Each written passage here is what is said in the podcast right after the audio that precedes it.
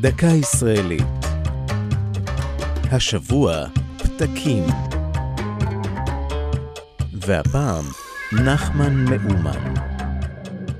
על קירות, דבקיות, כיפות ושלטים, כנראה כל ישראלי נתקל אי פעם בכתובת נע נח נחמן נחמן מאומן. אבל במקור, שנים בטרם הפך חלק בלתי נפרד מהמרחב הציבורי, נמצא צירוף האותיות הזה על פתק צנוע. ב-1922 מצא בטבריה הרב ישראל דוב אודסר פתק בין דפי ספר שחיבר רבי נחמן מברסלב. מאוד היה קשה לי לרדת אליך, תלמידי היקר, להגיד לך כי נהניתי מאוד מעבודתך.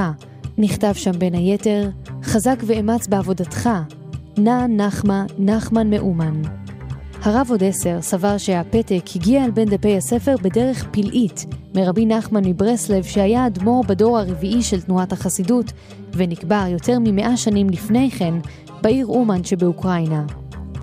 במשך שנים ידעו מעטים בלבד על דבר קיומו של הפתק, אך כשהגיע לגיל 80 בשנות ה-60 של המאה הקודמת, החליט עוד עשר לפרסמו ברבים. עם זאת, מרבית חסידי ברסלב לא קיבלו את גרסתו של הרב בדבר הפתק. על פי סברה רווחת, מסר לו את הפתקה אחד החסידים, כדי להתל בו. זו הייתה דקה ישראלית על פתקים ונחמן מאומן.